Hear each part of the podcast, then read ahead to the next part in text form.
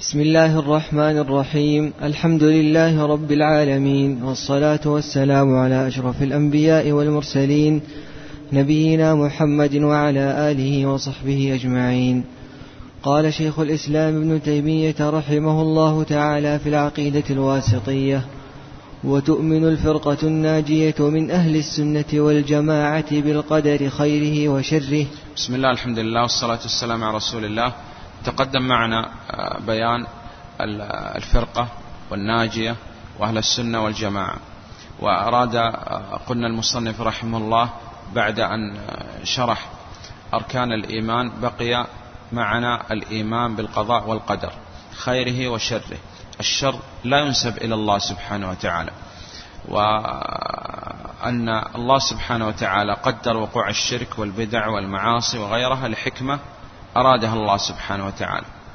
ومنها قول الله سبحانه وتعالى ظهر الفساد في البر والبحر بما كسبت أيدي الناس ليضيقهم بعض الذي عملوا.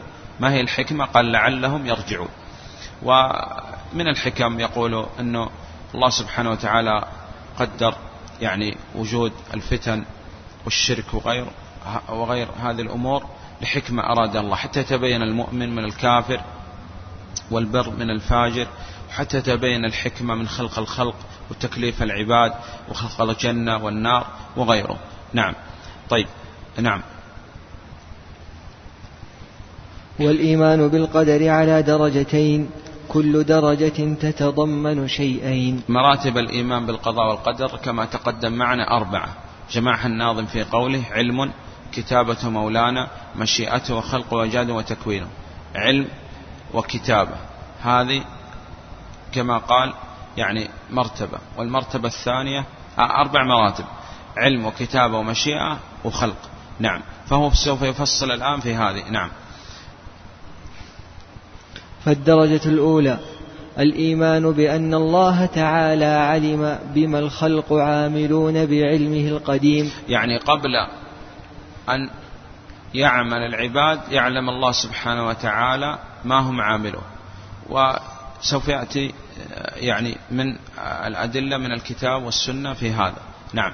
فحتى الأشياء التي لم تقع يعلم الله سبحانه وتعالى لو وقعت كيف تقع. نعم. فلا يخفى عليه شيء في الأرض ولا في السماء. علم العباد عاملون.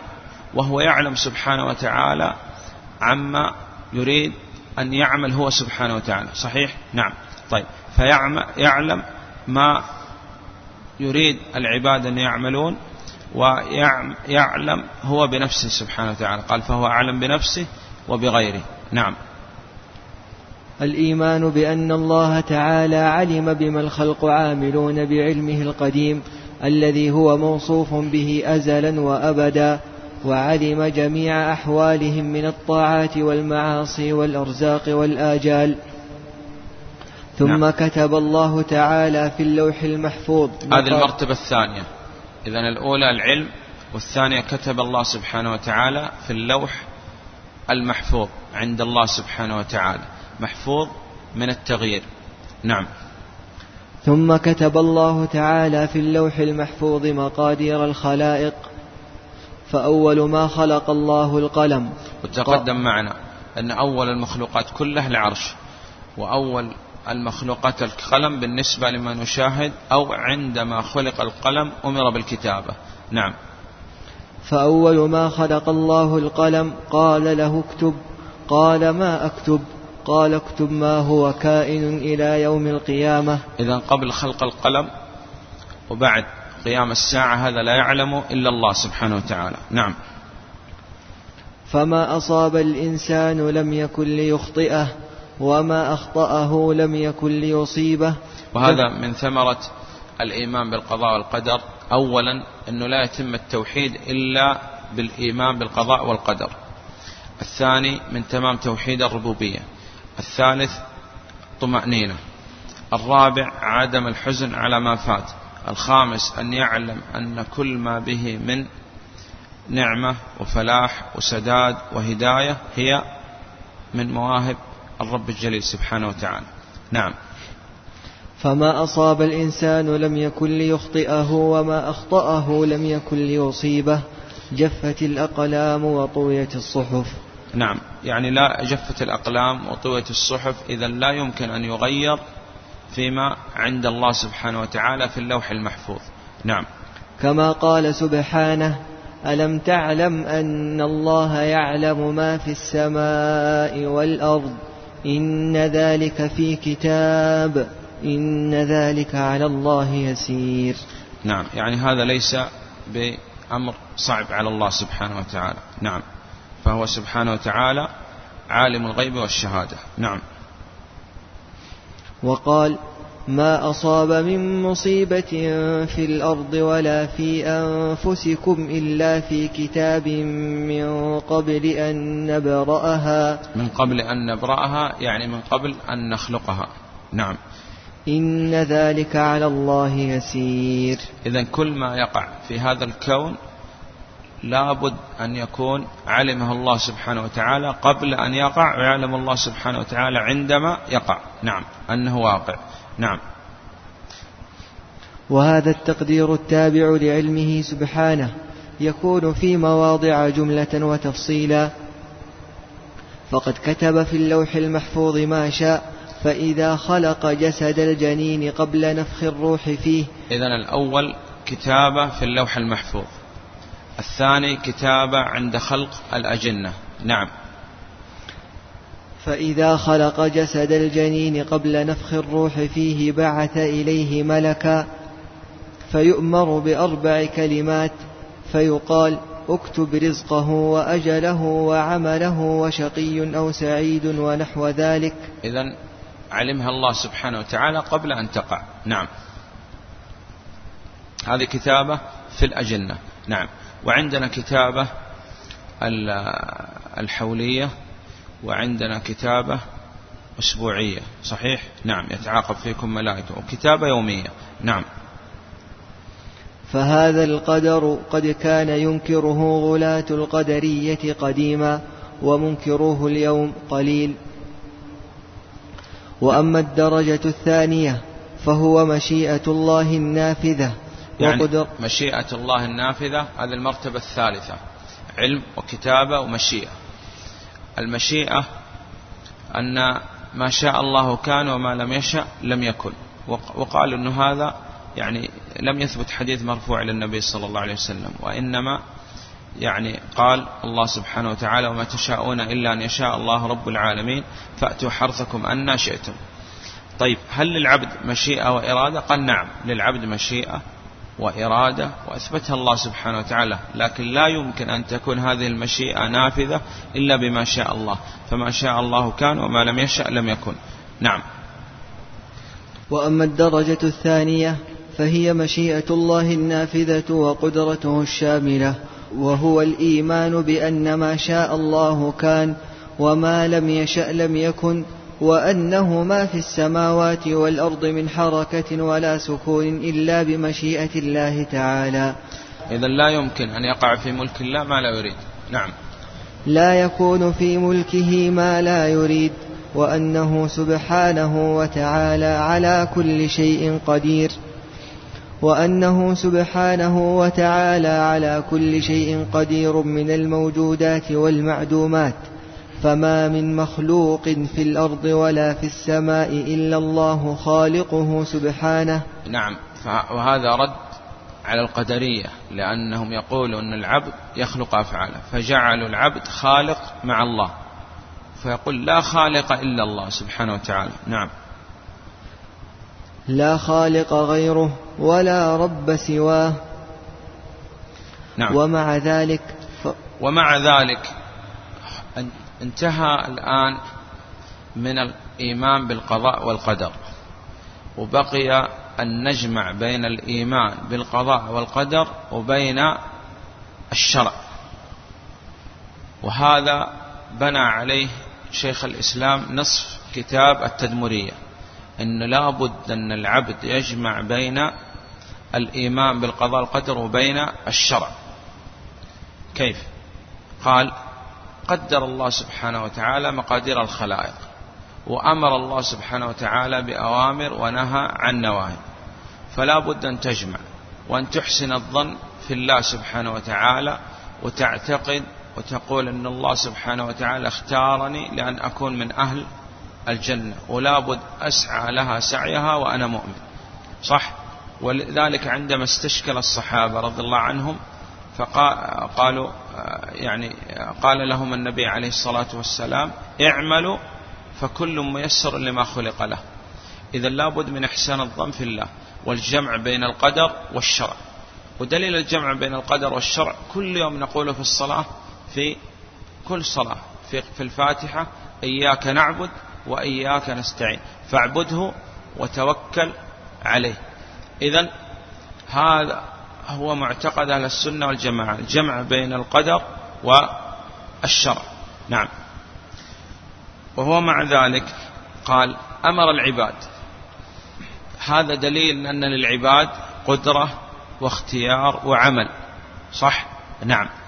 والله سبحانه وتعالى لو كان ليس لو كان ليس للعباد عمل ولا قدرة كان إثابة الطاع وعقوبة العاصي كان هذا يكون نوع من الظلم. والله سبحانه وتعالى منزه عن الظلم. صحيح إذا للعباد قدرة واختيار وعمل وكلفهم الله سبحانه وتعالى ولكن سبق في علم الله سبحانه وتعالى أن هذا مؤمن وهذا كافر وهذا بر وهذا فاجر. نعم. ومع ذلك فقد أمر العباد بطاعته وطاعة رسله ونهاهم عن معصيته. إذا كلفهم وعندما كلفهم هذا دليل أن لهم قدرة واختيار وعلم الله سبحانه وتعالى ما هم عاملون. نعم. وهو سبحانه يحب المتقين والمحسنين والمقسطين. تقدم معنا إثبات صفة المحبة لله سبحانه وتعالى على الوجه اللائق به لماذا المصنف رحمه الله يقول يحب المتقين؟ والمقسطين ويرضى عن المؤمنين ولا يرضى عن قوم الكافرين. قال أراد أن يبين أن هؤلاء لهم عمل وإذا كان لهم عمل فهؤلاء يثيبهم الله سبحانه وتعالى على ما عملوا. ولو كان ليس لهم عمل معنى هذا أنه إثابتهم على هذا يكون هو بفعل الله سبحانه وتعالى وليس لهم قدرة ولا اختيار ولا فعل. مفهوم؟ طيب. قال يحب تقدم معنا. يحب أولا قال المتقين. يحب المتقين وتقدم معنا. التقوى أن تجعل بينك وبين عذاب الله وقال فعل الأمر اجتناب النواهي على علم وبصيرة. نعم. والمحسنين. والمحسنين الإحسان في عبادة الله وإحسان إلى عباد الله. نعم. والمقسطين. يعني آه، يعدلوا سواء آه، في أنفسهم أو مع غيرهم. نعم.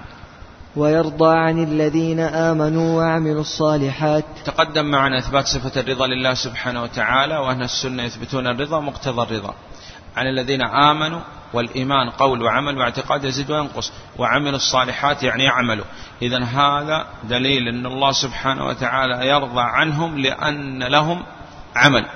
نعم. ويرضى عن الذين آمنوا وعملوا الصالحات. ولا يحب الكافرين. ولا يحب الكافرين. وهذا دليل أنه لهم عمل. نعم. ولا يرضى عن القوم الفاسقين. نعم. ولا يأمر بالفحشاء. ولا يأمر بالفحشاء. وهذا فيه الرد على من يحتج بالقدر على المعاصي. وإذا فعلوا فاحشة قالوا وجدنا عليها آباءنا والله أمرنا بها. قل إن الله لا يأمر بالفحشاء. طيب كيف قدر الله سبحانه وتعالى وقوع الفواحش والشرك؟ نقول من حيث أنه قدرها الله سبحانه وتعالى فيجب علينا الرضا والتسليم. وهذا الذي يعني يقول هذا الكلام هو في الحقيقة لا يفرق بين القضاء الشرعي والقضاء الكوني. وتقدم معنا لابد التفريق بين القضاء الشرعي والكوني. فمن حيث أن الله سبحانه وتعالى قدر وقوع الشرك والبدع والمعاصي هذا قضاء كوني قدري. ومن حيث أن الله سبحانه وتعالى لا يرضى العباد الكفر وأمر بالبراءة من الشرك وأهله. صحيح؟ نعم. فهذا أمر شرعي. والذي لا يعرف التفريق بين القضاء والشرع والكوني لا يستطيع أن يفرق بين هذه الأمور. وهذه ثمرة يعني تفريق أهل السنة بين القضاء الشرعي والقضاء الكوني. كيف يقضي الله سبحانه وتعالى ما لا يحب؟ نقول المحبوب ينقسم إلى محبوب لذاته ومحبوب لغيره.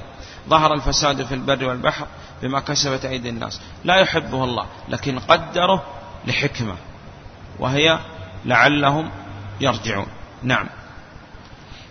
ولا يرضى لعباده الكفر. لا يرضى لعباده الكفر شرعا. لكن قدر وقوع الكفر والمعاصي والبدع كونا. نعم. ولا يحب الفساد. ولا يحب الفساد شرعا. نعم. والعباد فاعلون حقيقة. إذا العبد فاعل حقيقة وهو يفعل وله قدرة واختيار لكن هذه تحت مشيئة الله سبحانه وتعالى النافذة. نعم. والله خالق أفعالهم. هذا رد على القدرية. نعم. والعبد هو المؤمن والكافر وال... قال العبد هو المؤمن والكافر. إذا سماه مؤمن إذا له عمل. وسماه كافر إذا له عمل وقدرة واختيار. وبر وفاجر ومصلي وصائم. هذا دليل أنه يصلي ويعمل هذه الأعمال ويصوم. إذا له عمل وله قدرة والله سبحانه وتعالى يحاسب على هذا العمل. نعم. والعبد هو المؤمن والكافر والبر والفاجر والمصلي والصائم. وللعباد قدرة على أعمالهم وإرادة. والله خالقهم وخالق قدرتهم وإرادتهم. إذا القدرة والإرادة تحت مشيئة الله النافذة. نعم. كما قال الله تعالى لمن شاء منكم أن يستقيم.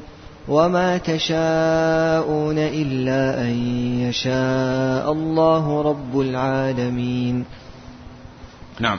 وهذه الدرجة من القدر يكذب بها عامة القدرية الذين سماهم النبي صلى الله عليه وسلم مجوس هذه الأمة. لماذا كان القدرية مجوس هذه الأمة؟ نعم. لأنهم جعلوا كل عبد خالق مع الله. وقلنا هم في هذا الباب شر من المجوس لأن المجوس ادعوا أن للعالم خالقين. وهؤلاء ادعوا أن كل عبد خالق مع الله سبحانه وتعالى ويخلق أفعاله نعم. والرد على المجوس قال بالكتاب والسنة والإجماع والعقل لأن العقل لا يمكن أن يكون هذا الكون بهذا الانتظام البديع إلا ويكون له خالق واحد مدبر صحيح؟ وتقدم معنا في تفسير قوله تعالى إن ربكم الله الذي خلق السماوات والأرض وغيرها من الأدلة. إذا هذه كلها أدلة. نعم على بيان قدرة الله سبحانه وتعالى. سئل أعرابي فقيل له بما عرفت الله؟ قال بنقض العزائم وصرف الهمم. قد يعزم إنسان على شيء. يقول أنا أريد أن أتزوج فلانة ويبحث ويسعى يقول لكن في لحظة يقول أنا تراجعت عن هذا وما أريد. هذا دليل أن له قدرة واختيار لكن هذه القدرة والاختيار والمشيئة لا يمكن أن تكون إلا بما شاء الله. ولذلك قال بما عرفت الله قال بنقض العزائم وصرف الهمم. وهو يعلم أنه يعني قد يقدر شيء ثم يرى أن هذا الشيء ليس فيه مصلحة له فيترك. لكن لا يمكن أن يقال هذا في حق في حق الله سبحانه وتعالى. صحيح؟ فالله سبحانه وتعالى عالم حكيم حميد وإلى جميع معاني ربوبيته سبحانه وتعالى. نعم. ويغلو فيها قوم من أهل الإثبات. إذا كأنه يقول لك شيخ الإسلام أنه انقسم الناس في هذا الباب إلى ثلاثة أقسام. إلى طرفين وسط قدرية وجبرية سلب العبد القدرة والإرادة وقالوا أنه مجبور وليس له قدرة ولا اختيار وهو كالريشة في مهب الريح وألقاه في اليم مكتوفا وقال له إياك إياك أن تبتل بالماء. وهذا يعني فيه تعدي على جانب الربوبية. نعم وأهل السنة وسط. جمعوا بين القدر والشرع. نعم. ويغلو فيها قوم من أهل الإثبات حتى سلبوا العبد قدرته واختياره. لأنه قالوا ليس للعبد لا قدرة ولا اختيار. ولذلك هم يسألوا بعض الناس ويقولوا هل الإنسان مسير أم مخير. وقلنا الرد على هذا يكون من ثلاثة أوجه. الأول أن هذا السؤال بدعة. الثاني نقول ماذا تريد بهذا السؤال؟ أن توقعونا إما في القول بالقدر أو قول بالجبر الثالث أن هذه المسألة فيها تفصيل. في أشياء فيها الإنسان مسير وفي أشياء فيها الإنسان مخير ولا يصح إطلاق القول أنه مسير أو مخير. نعم. ويخرجون عن أفعال الله وأحكامه حكمها ومصالحها. نقول إذا ليس هناك حكمة من أمر العباد بالطاعة والصلاة والصيام ونههم عن الكفر والشرك وما لذلك نعم.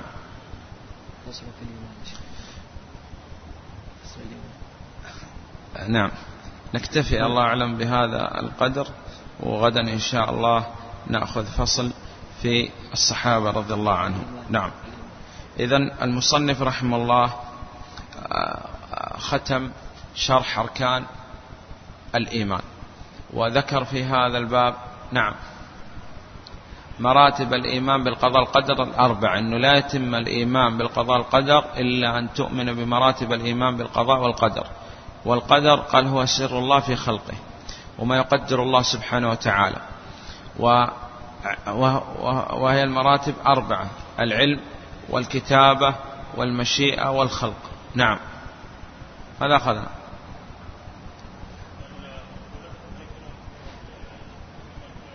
أي نعم. ومنكره اليوم يقول قليل لكن ينكر الخلق والمشيئة. نعم. نعم.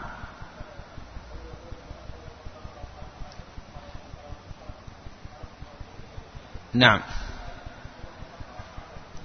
إما أن أول المخلوقات كلها فهذا القول ضعيف. يضعف ابن القيم وغيره. بالنسبة لمن يشاهد والدليل قول النبي عليه الصلاة والسلام خلق الله القلم قبل خلق السماوات والأرض بخمسين ألف سنة وكان عرشه على الماء. هذا دليل عرش موجود. والماء والسماوات والأرض. إن لا قبل بالنسبة لما نشاهد. صحيح قبل السماء والأرض. الثالث أنه عندما خلق أي نعم. طيب أمر بالكتاب والناس مختلفون في القلم الذي كتب القضاء به من الديان. نعم. عندنا كتابة في اللوح المحفوظ وقال لوح محفوظ يعني محفوظ من التغيير. والذي يقول يكون فيه التغيير هذه الصحف التي بأيدي الملائكة. طيب الثالث كتابة حولية وكتابة عند عند خلق الأجنة والكتابة العمرية والكتابة الأسبوعية والكتابة اليومية. نعم. نعم. أي نعم أنه حتى الأشياء التي لم تقع يعلم الله سبحانه وتعالى إذا وقعت كيف تقع. ولا يخفى عليه شيء في الأرض ولا في السماء.